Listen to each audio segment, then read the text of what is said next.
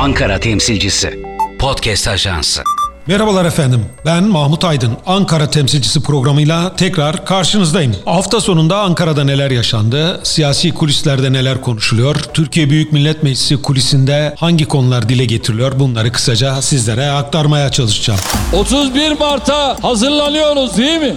bir araya gelmişken yapmamız gereken bir şeyi yaptık. Türkiye'yi değerlendirdik. Bir nezaket ziyaretiydi. Bir Türkiye'deki bütün siyasi partilerin esasen Türkiye'nin sorunlarını görüşmek ve konuşmak üzere diyalog yolunun açık olması özlediğimiz bir şeydir. Bundan sonraki süreçlerde de e, diyalogumuz, karşılıklı görüşmelerimiz sürecek.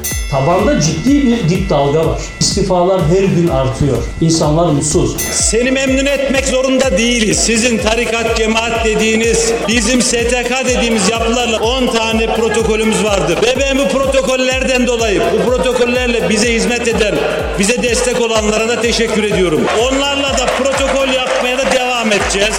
Çünkü onlar çocukların çıkmasını engelliyor.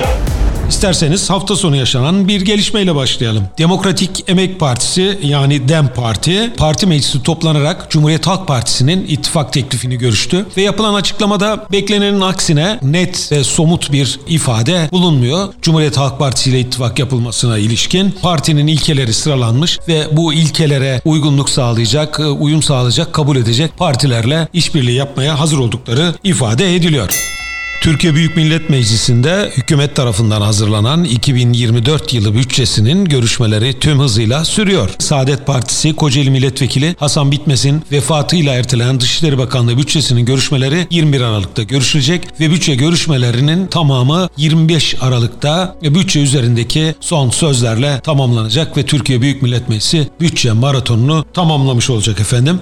Peki bu hafta Türkiye Büyük Millet Meclisi'nde beklenen önemli bir karar var. Daha doğrusu bir karar beklentisi var. O nedir diye sorarsanız o da Türkiye İşçi Partisi Hatay Milletvekili Can Atalay'ın durumu ile ilgili Anayasa Mahkemesi'nin vereceği karar. Anayasa Mahkemesi tekrar hak ihlali kararı verirse bu sefer yerel mahkemelerin ve e, Yargıtay'ın bu kararı nasıl değerlendireceği, nasıl bir açıklama yapacağı ve Türkiye Büyük Millet Meclisi'nin nasıl bir uygulama yapacağı merakla bekleniyor efendim. Bu arada AK Parti'nin İstanbul Büyükşehir Belediyesi'ne olası adaylarının kim olacağı konusu da gündemde oldukça fazla yer işgal etti. Kulislerde genel kabul gören isimler şöyle efendim. Bunlar kategorik olarak ayrılmış AK Parti kulislerinden aldığımız bilgiye göre. Aday eğer Türkiye Büyük Millet Meclisi'nden olacaksa bu isimler Adil Kara İsmailoğlu ile Murat Kurum olur. Eğer aday kabineden olacaksa Sağlık Bakanı Fahrettin Koca ile İçişleri Bakanı Ali Yerlikaya olabilir. Aday İstanbul'dan, ilçelerden olacaksa bu isimlerde Tevfik Göksu ve Hilmi Türkmen olur diye konuşuyorlar efendim. Fakat bütün bunları e, biliyorsunuz Cumhurbaşkanı Recep Tayyip Erdoğan'ın açıklamasıyla kesin olarak öğrenmiş olacağız. Bu arada Türkiye Büyük Millet Meclisi'nin bütçe görüşmelerini 25 Aralık'ta tamamlamasıyla iki gün sonra AK Parti'nin bir grup toplantısı olacağı konuşuluyor. Muhtemelen Cumhurbaşkanı'nın grup konuşmasında yapacağı açıklamalarla da İstanbul Büyükşehir Belediyesi, İzmir Büyükşehir Belediyesi ve Ankara Büyükşehir Belediyesi ile ilgili beklenen isimleri öğrenme imkanı olabilir ya da herhangi bir işaret görebiliriz efendim. Bu arada tabii AK Parti ve MHP, AK Parti ve Yeniden Refah Partisi arasındaki görüşmeler de devam ediyor. Kulislere yansıyan bilgilere göre Yeniden Refah Partisi Ankara, İstanbul ve İzmir'de AK Parti adaylarını destekleme eğiliminde. Tabii bunun karşılığında ne istedikleri konusunda çeşitli spekülasyonlar var.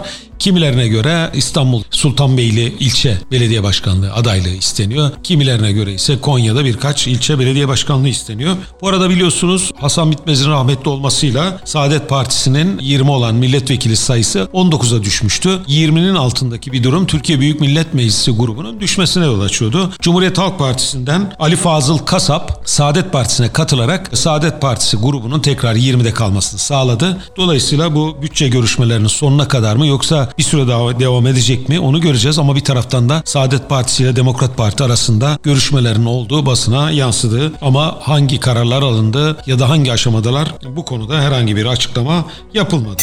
Fakat bu arada geçtiğimiz haftanın en ilginç e, olayı İstanbul Büyükşehir Belediyesi İyi Parti Meclis Grubu'nda yaşanan olaydı biliyorsunuz. Tabanda ciddi bir dip dalga var. İstifalar her gün artıyor. İnsanlar mutsuz. Ben Sayın Ekrem İmamoğlu'na giderek bu konuda bir şeyler yapılması gerektiğini söyledim. Arka kapı diplomasisi yaparak Sayın İmamoğlu'na tekrar gitti. Fakat gelinen nokta öyle bir nokta ki tamamen sürecin tıkandığını görüyoruz.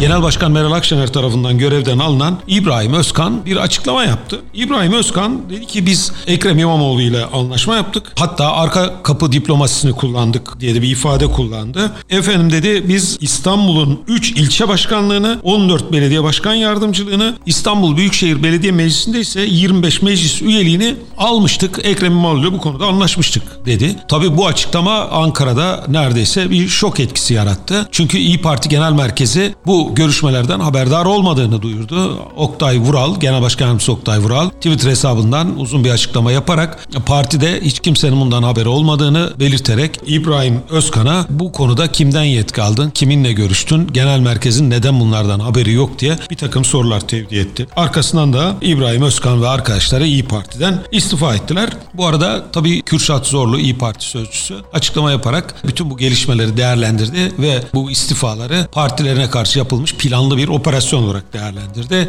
Tabii burada özellikle İstanbul'daki istifalar, belediye meclisinde yaşanan e, gelişmeler, bu ortaya çıkan anlaşmalar gündeme gelince gözler tabii doğrudan Ekrem İmamoğlu'ndaydı. İyi Partililer şu anda Ekrem İmamoğlu'nun e, partilerine müdahale ettiği görüşündeler ve bunu Türkiye Büyük Millet Meclisi kulisinde açık bir dille de ifade ediyorlar efendim. Bir diğer konu ise Türkiye Büyük Millet Meclisi'nde bütçe görüşmeleri sırasında Milli Eğitim Bakanı Yusuf Tekin'in açıklaması oldu bugün. Yusuf Tekin, Cumhuriyet Halk Partili üyelerin milli eğitimde tarikatların, cemaatlerin egemen olduğu ile ilgili iddialarına yanıt verirken efendim dedi ki sizin tarikat, cemaat dediğiniz yapılar bizim için sivil toplum örgütleri ve biz onlarla onlardan onuyla anlaşma imzaladık ve imzalamaya devam edeceğiz. Onlar özellikle Güneydoğu'da gençlerin daha çıkmasını önlüyorlar. Eğitim almalarını sağlıyorlar. Biz de bundan çok memnunuz minvalinde bir açıklama yaptı efendim. Seni memnun etmek zorunda değiliz. Sizin tarikat, cemaat dediğiniz, bizim STK dediğimiz yapılarla 10 tane protokolümüz vardır. Ve ben bu protokollerden dolayı, bu protokollerle bize hizmet eden, bize destek olanlara da teşekkür ediyorum. Onlarla da protokol yapmaya da devam edeceğiz. Çünkü onlar çocukların daha çıkmasını engelliyor. Hafta içinde e, Cumhuriyet Halk Partisi'nde bir takım gelişmeler yaşanacak efendim. Bu nedir? Parti meclisinin toplanması bekleniyor ve açıklanmayan büyükşehir belediyelerinin açıklanması yüksek ihtimal olarak görülüyor. Bunlar nereler? Mersin, Vahap Seçer, Adana, Zeydan Karalar, Antalya, Muhittin Böcek ve Aydın'da eğer anlaşma sağlanmışsa Özlem Çerçioğlu. Biliyorsunuz Özlem Çerçioğlu'nun adı Kemal Kılıçdaroğlu döneminden beri açıklanmasına rağmen geçtiğimiz hafta açıklanmamıştı. Nedeni ise ilçe belediye başkanlıkları üzerinde süren pazarlıklardı efendim. Özlem Çerçioğlu ilçe belediye başkan adaylarını kendi belirlemek istediğini genel merkeze iletmiş.